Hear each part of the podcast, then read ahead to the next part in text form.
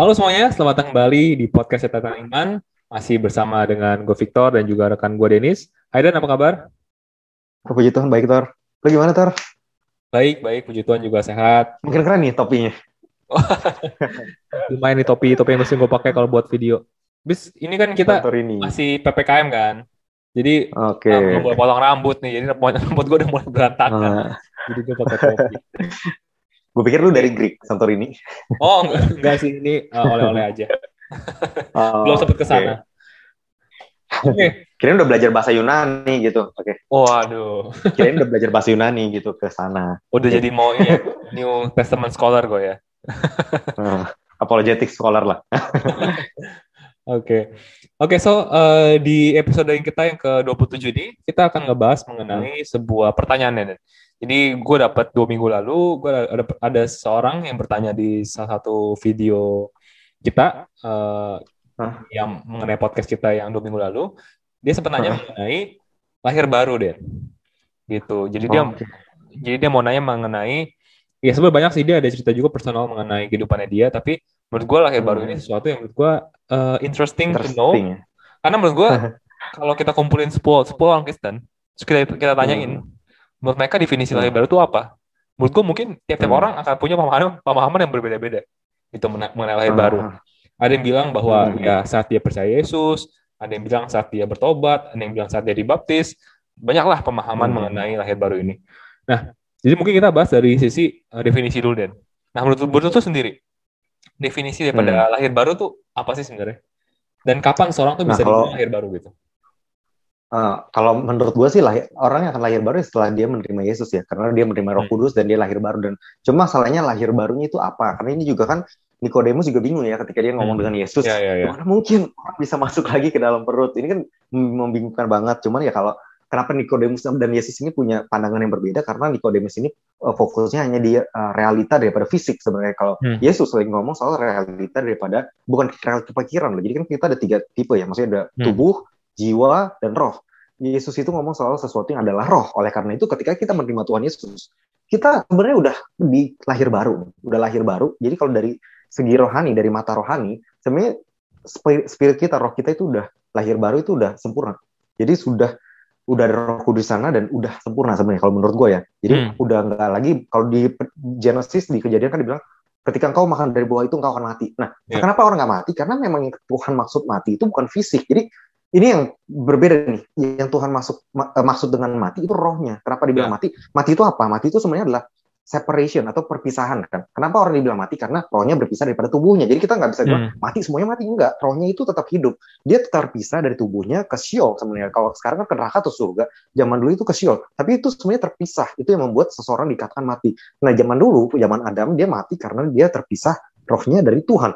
Bukan tubuhnya. Makanya Kenapa nggak mati? Ini yang sering kali diucapkan oleh agama-agama sebelah. Hmm. Kenapa kok ah, Tuhan Tuhan ngebohong dong? Eh, lu yang nggak ngerti gitu. Karena ini juga pertanyaan yang diucapkan oleh Nikodemus dan Nikodemus adalah Judaism loh. Ini juga mantan maksudnya bukan mantan Kristen ya, tapi ini perjanjian lama gitu, perjanjian lama gitu. Jadi uh, jadi lahir baru itu apa? Lahir baru itu di roh kita gitu. Di roh kita itu sudah diciptakan baru atau kita dianggap new man ya kita dikenal dengan new man sebenarnya new creature ataupun yang disering disebutkan Paulus new creature. Kenapa new creature? Karena Tuhan literally recreated us gitu. Dia nggak yeah. memperbaiki tapi dia recreate dia bikin a new man. Manusia baru yang bisa menerima power of God. Oleh karena itu kita bisa dengan iman hmm. ada sembilan spiritual gift kan? Makanya dibilang sembilan spiritual gift spiritual bukan physical gift. Jadi balik lagi itu spiritual. Untuk bisa bermanifestasi ya lagi-lagi ada bisa nggak sih kayak gift of healing itu untuk untuk apa? Untuk fisik kan?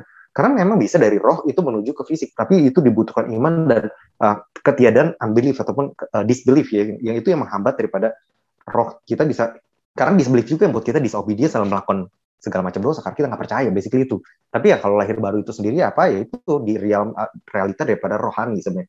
Jadi hmm. roh kita itu sudah dilahir baru, diciptakan baru. Cuma kita nggak bisa lihat dan nggak bisa kita rasakan karena itu bukan jiwa. Jiwa itu pikiran dan perasaan itu ada di jiwa. Kita nggak bisa rasakan Kenapa? Karena itu ada di uh, realita rohani, bukan realita jiwa. Kalau di realita hmm. jiwa kita bisa rasakan, kita bisa ataupun di realita fisik kita bisa rasakan kan. Gue cubit lu, itu langsung lu berasa sakit ataupun senang atau apa itu semua realitanya fisik ataupun yeah. jiwa. Ini adalah permainan iblis di sini di, dua sini. Sementara kalau Tuhan itu mainnya di rohani. Begitu pula dengan penyakit ya. Penyakit nggak bisa nyerang roh kita dia. Karena roh kita itu ada roh kudus. Makanya gue bilang dia nggak bisa proses orang Kristen. Kenapa? Karena orang Kristen di rohnya udah ada roh kudus. Dan dia hmm. nggak bisa nyerang gitu. Itu roh kudus. Dia nggak bisa masuk ke realita daripada rohani. Yang hmm. dia bisa serang adalah pikiran dalam bentuk depresi dan kawan-kawan ataupun penyakit fisik. Nah ini jadi mungkin kalau kita mau tahu lahir baru kita harus mengerti daripada roh, jiwa dan uh, fisik dulu. Ketiga realita ini yang kita harus tahu baru kita bisa mengerti apa itu lahir baru. Kenapa kita nggak bisa ngerasain ketika kita lahir baru? Karena pertama lahir baru itu maksudnya adalah kita mendapatkan nature baru itu simpel itu sih. Hmm. Sebelumnya nature manusia adalah dosa. Jadi kita melakukan dosa apa? Kita melakukan dosa karena nature kita berdosa. Rohnya kita memang udah ada dosa di situ. Kita udah separated gitu. Kita udah terpisah dari Tuhan sehingga nature kita ingin berdosa. Kalau kalian nggak percaya, ada nggak Alkitabnya? Ada. Di mana Paulus juga berkata bahwa hal yang ingin aku lakukan aku tidak lakukan yeah. sementara hal yang tidak ingin aku lakukan aku lakukan yeah. terkutuklah aku ini siapa yang bisa yeah. menyelamatkan aku dari sini dan kemudian lanjut lagi thank you for Jesus because there is mm. now no condemnation for those who love Christ ini maksudnya itu adalah jadi dia ngomongin itu tentang di perjanjian lama sebelum ada Yesus nature-nya dia pengen berlaku baik tapi dia nggak mau mau karena nature-nya itu nature berdosa gitu sama mm. kayak uh, mungkin anjing versus pig ataupun uh, babi ya babi kita mandiin gimana pun kayak orang Farisi ini tetap ya ujungnya dia main lumpur lagi gitu. Karena hmm. dari hatinya dari dalamnya itu dosa gitu. Sementara kalau dari uh, kita nature-nya berubah kayak contohnya kalau anjing dia bisa jatuh ke dalam lumpur tapi dia nggak akan nyaman di situ. Dia dia akan keluar dia akan berusaha keluar. Itu basically nature-nya lah. Mungkin kalau lahir baru apa nature-nya. Nah tapi lu nggak bisa rasain. Karena karena itu di dalam kita juga ngerasain kan nature kita dosa dari awal gitu. Yang kita rasain adalah kita kayak Paulus kenapa gue nggak bisa melakukan apa yang pengen gue lakukan? Apa yang gue tahu harus gue lakukan? gitu karena hmm. nature-nya itu nature-nya itu. Tapi dia nggak bisa tahu itu. Karena memang itu di realita daripada roh. Itu yeah. kalau menurut gue ya. Sorry panjang. Kalau menurut lu gimana? Wow, wow. Tapi it's, it's very good sih. Maksud gue sangat, sangat, sangat detail banget sih dan apa yang jelasin. Jadi hmm. intinya adalah ya namanya lahir baru itu adalah transformasi daripada kita punya roh ya dan transformasi hati kita lah ya. Intinya itu sesuatu yang nah, dari internal. Uh, sesuatu yang dimulai dari dari dari dari dari, dari dalam lah ya istilahnya. Hmm. hmm. Dan hmm. apa? Mungkin kalau gue bisa menambahkan adalah ini sih paling kita juga perlu tahu bahwa yang namanya lahir itu adalah hmm. sesuatu yang sebenarnya uh, di luar daripada uh, apa yang bisa kita lakukan. Contoh kita lahir lahir hmm. di bumi ini kan bukan karena kita berusaha mau mau keluar kan, tapi maksudnya karena ya memang ada seorang ibu yang melahirkan kita gitu, yang mengandung kita dan hmm. mau dan mau, dan mau punya anak gitu kan, makanya kita bisa ada. Hmm.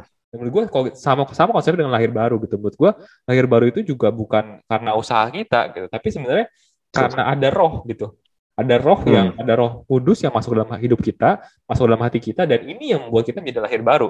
Jadi hmm. uh, emang apa sih bedanya? Bedanya adalah kalau kita nggak punya perspektif seperti ini, kita merasa bahwa lahir baru itu it's, itu karena tindakan gue gitu, sepenuhnya karena gue hmm. gitu. Dan hmm. biasanya orang seperti ini dia akan jatuh gitu, karena mereka mereka nggak nggak paham hmm. gitu karena bahwa sebenarnya nama lahir baru itu artinya sebenarnya kita sedang membuka hati kita membiarkan roh, hmm. roh Tuhan yang tadi nggak ada masuk dalam hati kita dan jadi dan take control take control hmm. dari emosi kita take control daripada apa yang kita lakukan take control moral, moralitas kita nah ini akhirnya membuat hmm. seorang hidupnya hmm. berubah gitu karena tadinya hmm. dia yang lagi dia ngontrol kehidupannya dia sekarang udah bukan dia lagi tapi roh Tuhan gitu hmm. nah ini yang hmm. sebenarnya uh, menjadi konsep dari lahir baru sih dan gue juga setuju sama lu bahwa hmm. ya sebenarnya gimana kapan seorang lahir baru ya sebenarnya as simple as saat dia benar-benar mengakui Tuhan Yesus sebagai Tuhan dan juga juru selamat dan juga memang mengizinkan Tuhan untuk untuk untuk menjadi Tuhan atas kehidupannya dia gitu. Jadi bukannya hmm. tunggu seseorang dibaptis atau tunggu seseorang uh, disahkan oleh pendetanya, seseorang jadi jemaat di gereja itu ya bukan itu itu sebuah ya, simbolisme lah ya. Tapi sebenarnya yeah. uh, lahir baru itu terjadi ya at personal level gitu kan ya dalam diri Betul. kita masing-masing. Nah, True. ini uh, balik ke pertanyaan berikutnya, Den. Kan, ya, nah. kan lu tadi sempat bilang bahwa lahir baru itu sesuatu yang sebenarnya nggak bisa ngeliat gitu kan. Karena ini bukan yeah. bukan realmnya fisik, bukan realmnya jiwa, tapi realmnya spiritual kan. Betul. Nah, akhirnya Betul. Uh, banyak orang yang mungkin jadi bingung, ini gue sebenarnya lahir baru belum sih? Gitu. Nah, jadinya uh, menurut lu sendiri, takarannya itu apa sih? Takaran seorang itu udah lahir baru dan belum gitu. Nah, sebenarnya itu udah pernah dibahas oleh Yesus ya dari buahnya lah hmm. engkau akan mengenal siapa yang benar-benar adalah muridku. Jadi memang itu adalah udah clear bahwa dari buahnya. Kenapa gue bilang dari buahnya tadi sebelumnya gue udah bilang bahwa kita melakukan dosa itu bukan sebenarnya bukan karena kita pengen melakukan dosa kita terlahir hmm. berdosa itu kenapa kita melakukan dosa karena dari dalam kita yang udah udah kotor kayak tadi gue bilang babi yeah. itu dia kan tetap main ke lumpur itu itulah kita dulu gitu maksudnya nature hmm. kita itu memang berdosa jadi kita mau berbuat baik ada conscience kan. Itu itu conscience yeah. itu di tempatnya dulu kita udah pernah bahas gimana caranya Tuhan nge ngejudge orang yang gak, gak pernah dengar Yesus. Oke dari conscience. Kenapa? Kan Tuhan itu udah udah sempurna itu dia tahu manusia akan jatuh dia udah kasih kita kompas. Kompasnya itu adalah conscience. Conscience itu adalah kita tahu bahwa kita ketika kita ngejahatin orang itu salah itu dosa.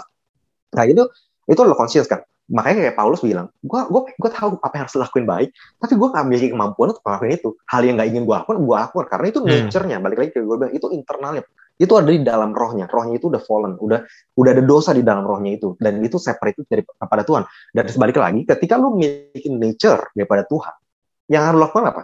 Yang akan lu lakukan ada yang akan buah yang akan keluar. Buah itu kan ngomong soal sesuatu yang kelihatan fisik kan. Sementara hmm. kayak akar akar itu nggak kelihatan. Kalau kita bilang uh, analogian akar itu adalah roh maka akarnya nggak kelihatan kan? Nggak kelihatan. Yeah. yang kelihatan buahnya. Nah buahnya ini kelihatan itu buahnya itu kan nggak tiba-tiba ada. Buahnya itu ada karena ada akarnya. Akar itu ada seednya seed itu adalah benih. Nah benih pohon jeruk nggak akan mengeluarkan pohon pisang gitu. Jadi yeah, yeah, basically yeah. kalau lu udah baru lu nggak akan buah yang lu akan lihat adalah buah nature daripada Tuhan. Bukan buah nature daripada uh, iblis ya atau buah nature daripada fallen people. Dari situlah kita akan tahu bahwa seseorang itu lahir baru atau tidak. Tapi kita juga nggak bisa tiba-tiba bilang orang baru percaya Tuhan besok dia harus tiba-tiba langsung 180 derajat. Karena dikatakan juga oleh Paulus bagian kita kan untuk renew our mind renew atau transform our mind. Nah, transforming atau renewal ini kan progresif. Jadi yeah. maksudnya ya berarti kita juga bisa expect seseorang untuk progress bukan Betul. Uh, secara langsung. Karena yang secara langsung itu cuma satu itu roh kita itu ketika kita terima Yesus itu langsung selamat. Jadi kalau kita hari hari ini percaya Yesus dan hari ini kita mati lu langsung selamat. Karena roh kita tuh langsung transform instantly. Tapi untuk realita jiwa dan pikiran ini ada progresif gitu. Ini nggak tiba-tiba lu langsung wah gitu langsung sembuh. Makanya ketika orang bilang kenapa gua nggak langsung sembuh ketika gua terima Yesus oleh biru birunya kamu telah disembuhkan nah ini juga kan jadinya karena memang ada beberapa hal yang memang itu sifatnya progresif gitu. Jadi hmm. ada contohnya juga kayak miracles, baik miracles juga ada kan ada 30%, 60%, 100%. Ada yang ada yang langsung instan, ada yang memang orangnya harus cuci mata dulu di sini. Ini kan ada ada yang yeah. ada yang iya. progres, ada yang langsung. Kemudian juga ya ada kita nggak bisa langsung ngejudge semuanya harus langsung 100%. Cuma ya balik lagi takaran seseorang akan ada progresif kalau menurut gue ya. Lahir baru atau tidak akan ada perubahan hidup. Itu udah pasti karena nature-nya berubah. Sebelumnya hmm. nature evil, sekarang nature Tuhan pasti adanya perubahan hidup. Itulah takaran. Tapi seberapa jauh itu akan terjadi ya, of course berdasarkan progres masing-masing ya yang berdasarkan obedience masing-masing. Tapi perubahan hidup itu nggak bisa ditiadakan. Jadi kalau orang sebelum lahir baru dia pembunuh, setelah lahir baru dia pembunuh dan lebih buruk, ini udah jelas-jelas dia nggak lahir baru. Hmm. Jadi ya itu sih kalau menurut gue takarannya. Kalau menurut lu gimana? Iya iya iya. Setuju sih. Nah. Jadi menurut gue sih sebenarnya uh, takaran paling simpel menurut gue menurut gue sih takaran uh. takaran sama takaran finalnya adalah yang, yang lu bilang tadi sebenarnya bahwa terjadinya perubahan hidup karena ya namanya hmm.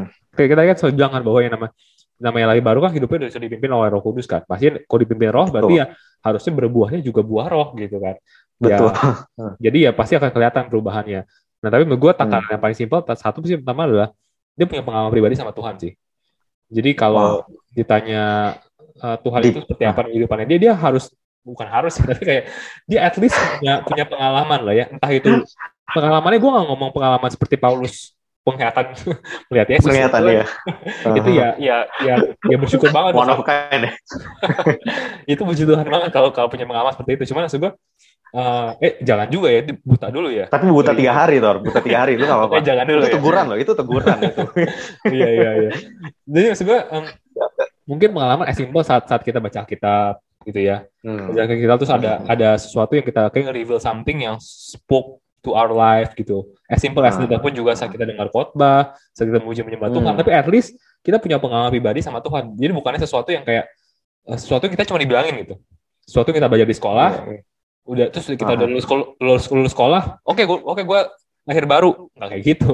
Tapi lah at least, at least lo hmm. punya pengalaman pribadi sama Tuhan. Itu mungkin yang pertama. True. Kedua menurut gue uh, yang kayak lu tadi sih sebelum terjadi perubahan perubahan apa ya sikap perubahan perilaku maksudnya perubahan hati dulu sih gitu karena hmm. menurut gua hati itu punya peranan yang penting banget sih gitu bahkan hmm.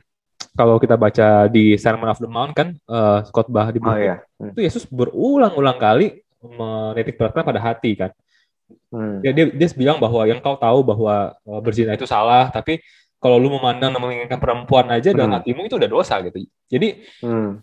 gue menurut gue tuh itu apa ya tujuan Yesus tuh bukan bukannya ha- hanya karena supaya membuat hukum jadi lebih berat ya, tapi Yesus Iya, tuh iya. sekarang kan kasih tahu pada kita bahwa hati itu yang penting loh. Terus Hmm. dia ada ngomong lagi bahwa kalau lu memberikan persembahan tapi dalam hati lu lalu ada sesuatu sama saudara lu, lu pulang dulu beresin dulu dulu. baru kasih persembahan. Mereka kan hatinya lagi gitu kan. Terus bilang, dia Iya. jangan membunuh tapi kalau lu marah aja sama, sama seseorang, Iya. lu perlu perbaiki. Itu Udah kayak bunuh ya. hati lagi. Jadi kayak hati-hati itu juga berkali-kali. Jadi menurut gua eh, salah, salah satu takaran lahir baru adalah hatinya gitu. Mungkin Hmm. perbuatannya nggak belum berubah gitu ya. Tapi Hmm. at least hatinya kita udah mulai melunak gitu. Emosinya kita udah Hmm. mulai eh, nggak sekeras dulu. Gue itu udah, udah salah satu takaran. Dan gue takaran berikutnya adalah ya pengenalan akan Tuhan sih. Gitu. Hmm. Karena menurut gue, gue analogikan seperti ini. Kita sebelum lahir baru tuh, kita cuma tahu Tuhan tuh seperti kayak kita PDKT sama cewek lah. Kita tahu Hmm. gitu, kita kita tahu eh, dia informasi dia tinggal di mana, sekolah di mana, dia orangnya kayak gimana menurut teman-temannya. Tapi setelah kita pacaran kan, Hmm. kita jadi lebih intim kan sama sama cewek tersebut kan atau sama Hmm. cowok tersebut. Kita jadi lebih dekat, makin kenal sama dia lagi kan, dan makin mencintai dia Hmm. lagi. Makanya ada Hmm. suatu stage di mana akhirnya kita menikah sama dia. Kita udah komit Hmm. hidup kita sama dia. Nah, menurut gue begitu Siap. juga dengan lahir baru. Kita sebelum lahir baru kita cuma terima informasi mengenai Yesus. Yesus seperti Hmm. ini, Yesus menyembuhkan, melakukan miracles. Tapi setelah kita lahir baru kan kita udah karena punya pengalaman pribadi sebelumnya. Jadi kita udah kena, kena udah kenal nih, udah cinta nih sama Yesus nih kan. Jadi harusnya setelah lahir baru tuh kita semakin kenal sama Tuhan dan semakin cinta sama Betul. Tuhan. Jadi menurut gua kalau takarannya adalah setelah, setelah lahir baru kita merasa bahwa pengenalan kita dan cinta kita sama Tuhan itu sama seperti sebelumnya. Sa- seperti, Hmm. Itu menurut gua dipertanyakan gitu. Ini lahir baru apa enggak gitu. Karena menurut gua Hmm, orang lahir baru yang namanya semakin cinta sama Tuhan tuh har- harusnya dia udah mulai Pasti ya. nggak mikirin diri sendiri. Mulai aduh gimana Iya. ya?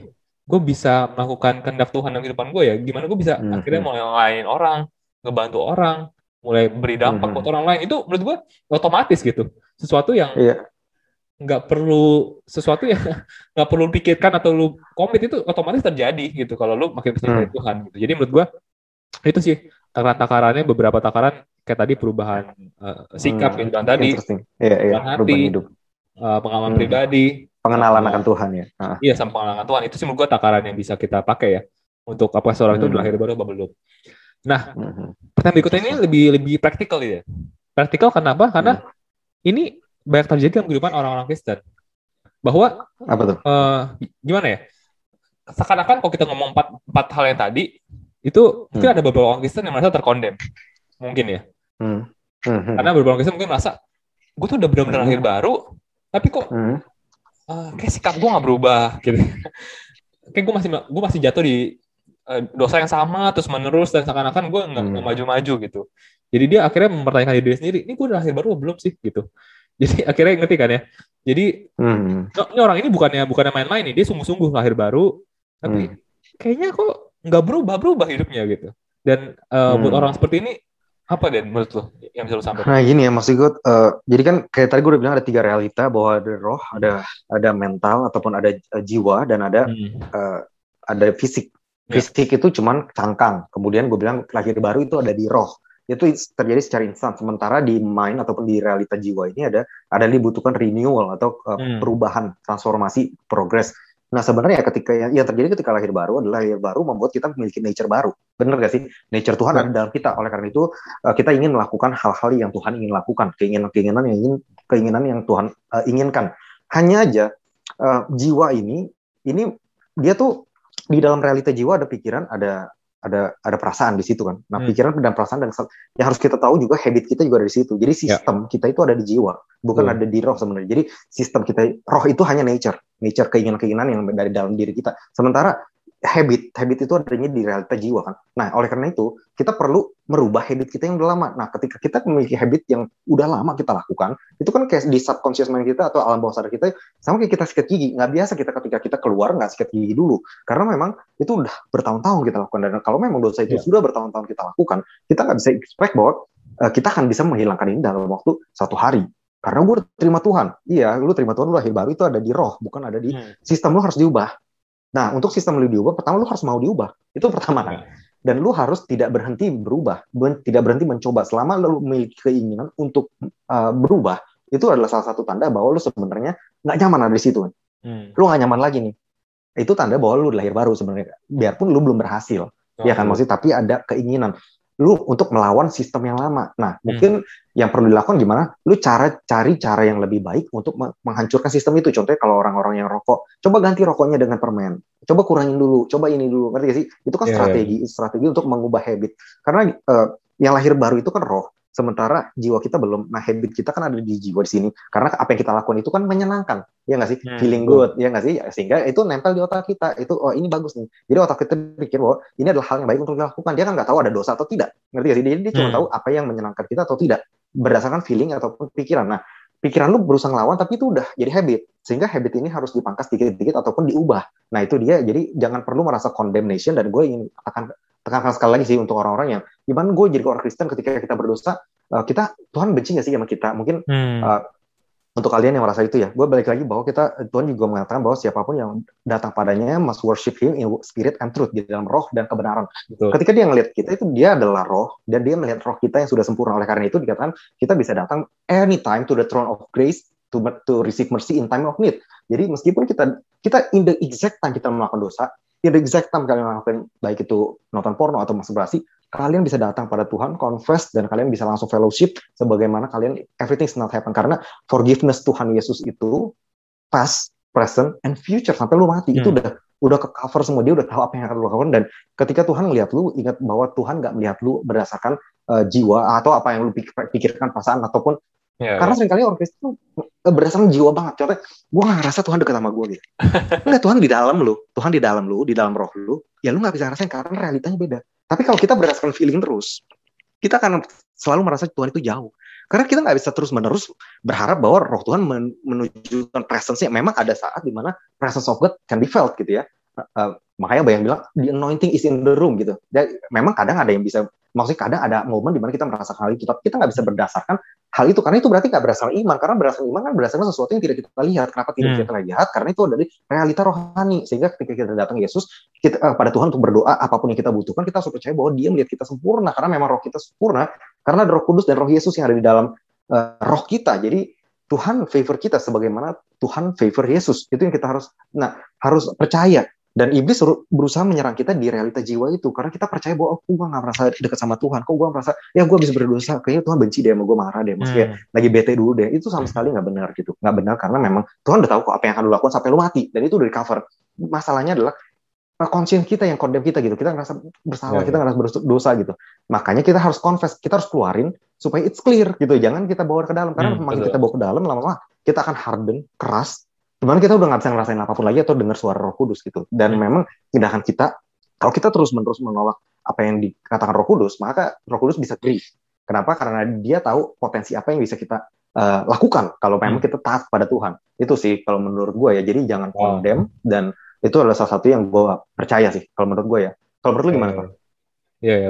Jadi uh, gue setuju banget sih. Jadi bahwa kalau gue bisa rangkum ya sebuah kalimat, intinya adalah ini ya, ada perbedaan yang jelas antara jatuh dalam dosa dan hidup dalam dosa gitu ya. Ah, ya. Juga ah. kalau kalau jatuh dalam dosa itu adalah suatu proses yang normal normal sekali gitu kan. Karena lu bilang tadi karena kita ada di habit kita di itu kita uh, masih ada Betul. sistem yang lama gitu kan.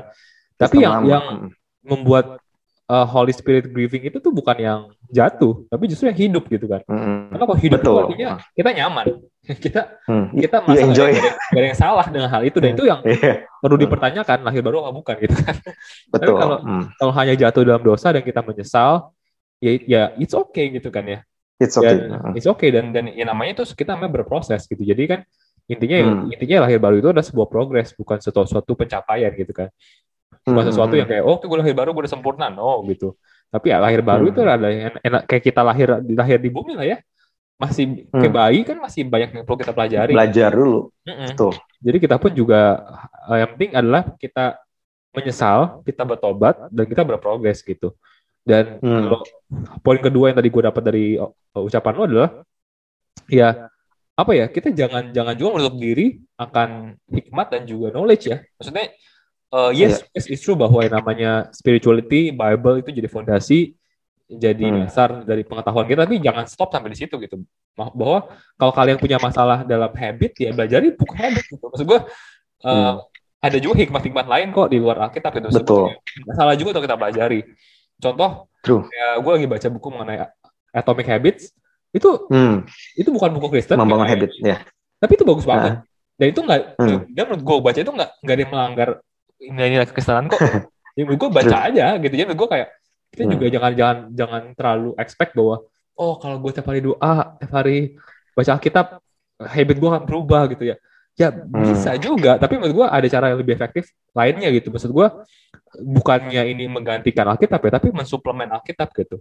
Karena menurut gue ya hikmat Tuhan itu bisa karena Tuhan itu nggak nggak hanya bekerja melalui para nabi dan juga para para pendeta ya Pendeta gitu ya. para penulis buku pak Iya. website yang bikin website yang bikin YouTube jadi menurut gue banyak lah Tuhan bisa bekerja di mana-mana jadi menurut gue jangan menutup juga hikmat-hikmat yang bisa kita dapatkan di luar sana jadi menurut gue Betul. kalau kalian susah keluar dari pornografi misalkan terus kalian udah baca Alkitab terus kok kesan kesan nggak bisa berubah-ubah cari cari hikmat tambahan gitu loh bukan bukan Hmm. hikmat pengganti ya hikmat tambahan gitu untuk kalian Betul. bisa berubah cari mentor cari teman seperjuangan True.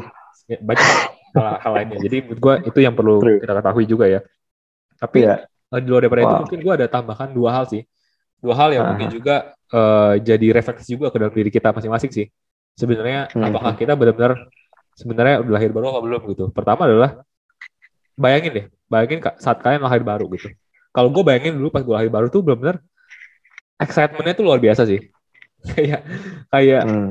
hari pertama itu gue gue kayak merasa udah I will commit my life to Jesus gitu bahwa ya. I get it. apa pun yang akan dia suruh, suruh gue lakuin gue lakuin kayak I will apa ya gue mau blameless lah di, di hadapannya dia gitu dan dan coba ah. bayangin kita sekarang itu masih sama gak sih perasaannya kayak gitu itu maksud gue, Hmm. apakah benar-benar kita masih apa perhatian Tuhan gak sih dan kalau udah enggak lagi nah itu yang bisa jadi salah satu indikator di mana kita perlu cek ya. Gitu. Dan kedua adalah ya selain prioritaskan apakah kita bergantung gak sih sama Tuhan gitu. Karena tadi kita bilang kan bahwa lahir baru itu ya kita hidup kita dikontrol sama Tuhan kan. Sama dikontrol oleh Roh Kudus. Tapi kalau saat ini kita Hmm. fully bergantung sama diri kita sendiri dan kita sama sekali nggak memberikan peran buat Tuhan bekerja di kehidupan kita ya itu perlu dipertanyakan juga gitu. Is it really kita itu benar lahir baru apa enggak? Gitu sih Hmm. Eh, jadi basically itu aja sih yang yang yang em, tambahan dari gua dari itu aja sih sebenarnya- yang eh, pertanyaan dari gua jadi eh, ada dan that ada yang mau tambahin nggak Den? Nah mungkin tadi kali ya, kan kalau lu bilang kan ada keinginan atau perasaan yang uh, kayak menggebu-gebu pada Tuhan atau apa. Nah ini gue sempat ngomong bahwa ini juga harus hati-hati karena memang ada Oke. orang Kristen yang memang udah lama itu nggak selalu feel it gitu. Nah untuk Ya. orang-orang yang nggak feel it, kalau menurut gue you need to faith it. Faith itu apa maksudnya? Lu imanin. Dalam arti lu iman gimana? Ketika, ketika lu ketika you feel it, what what, you do?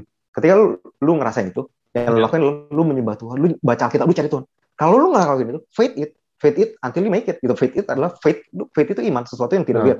Lu lakuin apa yang sebagaimana kalau lu ngerasain itu. Nanti akan lu akan merasakan itu. Remember your first love itu ada di Revelation juga Tuhan bilang remember your first love gitu. Kembalilah ke kasih pertama. Nah maksudnya gimana kalau kayak gue nggak ngerasain itu? Itu dengan iman apakah Tuhan harus selalu membuat ngerasa Masalahnya kan kalau kita berdasarkan perasaan balik lagi kayak tadi gue bilang bahwa ada saat di mana kita tidak merasakan Tuhan atau ada saat di mana kita uh, merasa berdosa atau merasa Tuhan benci sama kita. Nah, jadi perasaan-perasaan itu kita tidak bisa menjadi andalkan. Sementara yang kita harus andalkan adalah iman. Nah, kalau benar banget kita harus memiliki perasaan menggebu-gebu pada Tuhan. Kalau memang kalian belum merasakan, lakukan apa yang akan kalian lakukan ketika kalian merasakan itu. Ketika kalian merasakan itu, apa yang lakukan? Ya, ya. Worship God. Kalian akan lakuin apa pun itu. Lakuin aja. Yang Paulus lakuin, dia lagi di penjara, dia lagi ngapain? Dia worship kan. Dia worship, dia tetap, mungkin gak nyaman gitu ketika di penjara, lagi dipasung gitu. Dia worship, dia tetap worship. Karena ada hal-hal yang memang kita harus imanin sebelum kita bisa mendapatkan ataupun merasakan hal itu.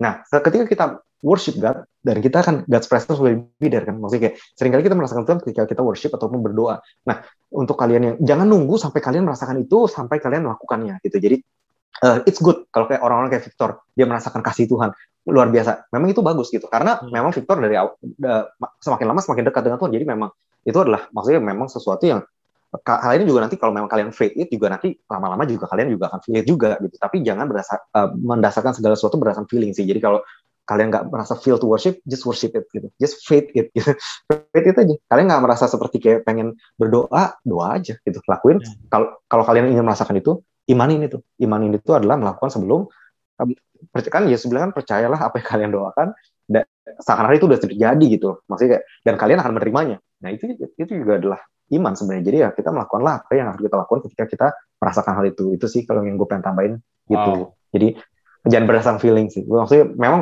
it's good to feel that tapi hati-hati ketika kita berdasarkan uh, pada sesuatu feeling. Wow. Gitu. itu itu tadi yang lo sampaikan tuh benar-benar profound sih buat buat gue sih maksud gue profound karena uh, menurut gue gue jadi kayak inget bahwa ya Tuhan kan sering kali meng, meng, apa ya mengibarkan kan hubungan kita dengan Tuhan itu sama seperti pernikahan kan maksudnya ya hmm. bagaimana suami mengasihi istri istri mengasihi suami yeah. sama seperti gereja dengan Tuhan dan segala macam jadi gue kayak ngebayangin bahwa kayak dalam pernikahan juga sama kan terkadang dalam pernikahan hmm. tuh perasaannya itu kan nggak selalu sama sama seperti kita selalu Ya, gitu. Maksud, hmm. ada ada ada waktu-waktu di mana mungkin pasangan kita ngecewakan ngecewakan kita gitu jadi akhirnya feelingnya udah nggak terlalu lagi gitu kan. Tapi hmm, sabar ya Thor nah. gue ya, ya pasti ada lah ngomong-ngomong gitu kan. Tapi kayak nah, gue setuju banget sama lu bilang bahwa kayak ya ya kita nggak bisa based on feeling gitu. Tapi cukup hmm. ngelakuin uh, hal apa yang satu feeling itu menggebu-gebu kan. Nah itu hmm. it happen juga in marriage life. Misalkan kayak misalkan lu nggak ada lu biasa lu lagi biasa-biasa ini tapi satu misalkan lu peluk istri lu atau lu peluk suami lu kayak that feeling muncul lagi gitu hmm. kayak hmm. akhirnya feelingnya tadi nggak ada jadi muncul gitu karena lu melakukan hal-hal hmm. yang yang yang lu tadi yang kalau satu menggebu-gebu lu lakukan gitu jadi menurut gue kayak hmm. itu juga bisa happen dalam dalam dalam kita uh, sama Tuhan gitu mungkin kita hmm. lagi nggak mahal lagi nggak mikir mau menyembah Tuhan tapi saat kita coba untuk kayak maksakan diri, hmm. diri kita untuk melakukan itu eh tiba-tiba rasa juga kok maksudnya. Iya. tiba-tiba kayak kayak our spirit juga lifted up gitu. Tiba-tiba ada hal-hal kita diingetin terus kita jadi pikir oh ya penting banget nih gue melakukan hal ini. Dan hmm. itu juga pas ngomongnya pas ngomong itu kayak benar-benar profound banget buat gue karena itu jadi reflect banyak hal dalam kehidupan gue sih. Contoh kayak dulu gue bukan mimpin komsel gitu deh itu gue juga hmm. berkali-kali gue sering banget males gitu. Kayak udah, udah berat gitu ya sih kayak aw, gue awalnya awalnya awalnya mimpin mimpin komsel sih happy kan. Wah seneng banget bisa melayani Tuhan. Tapi kan kalau yeah. udah melayani bertahun-tahun kan ada ada rasanya kayak ah, banget. Aduh kayak bakal ketemu ya. si si ini bakal si ini buat cerita ini. Aduh malas banget deh. Apalagi kalau topiknya tuh udah udah ngebosenin gitu. Ngebahasnya itu, itu lagi. Itu berat hmm. banget. Tapi saat gue paksakan diri gue untuk oke okay, mau gak mau gue harus mimpin det deh. Mimpin komsel gitu. Hmm. terus gue mimpin det eh mau ke komsel eh jadi gue yang diberkati gitu loh. Jadi kayak akhirnya film itu muncul lagi kan. Kayak hmm. untung hmm. itu hari ini. Untung gue hari ini ikut konser. Hmm. nah itu deh hmm. akhirnya gue pas ngomong tadi kayak baru perubahan ke dalam diri gue sih. Dan gue men-challenge teman-teman yang semua dengerin yang mungkin juga dalam season yang sama. Season di mana teman-teman udah lahir baru tapi kayak seakan-akan kok jatuh di lubang yang sama dan segala macam. Coba hal ini gitu mungkin yang teman-teman merasa bahwa eh feelingnya udah hilang nih sama Tuhan. Ya coba hal ini gitu. Coba paksakan dari teman-teman untuk tetap ikut ibadah online tetap ikut komsel tetap ikut tetap doa tetap baca Alkitab. Dan gue yakin that feeling will comes gitu loh. Feeling yang di mana mungkin teman-teman sempat hilang gitu. Oke. Okay. uh, eh, itu aja deh paling yang yang akan kita bahas hari ini. So thank you for the sharing Dan dan hmm. buat teman-teman semua yang uh, tertarik untuk menyampaikan kira-kira ide-ide mengenai topik-topik yang lebih yang bisa kita bahas uh, di minggu ke depannya sama seperti apa yang uh, Joy hari ini topiknya dari dari Joy namanya.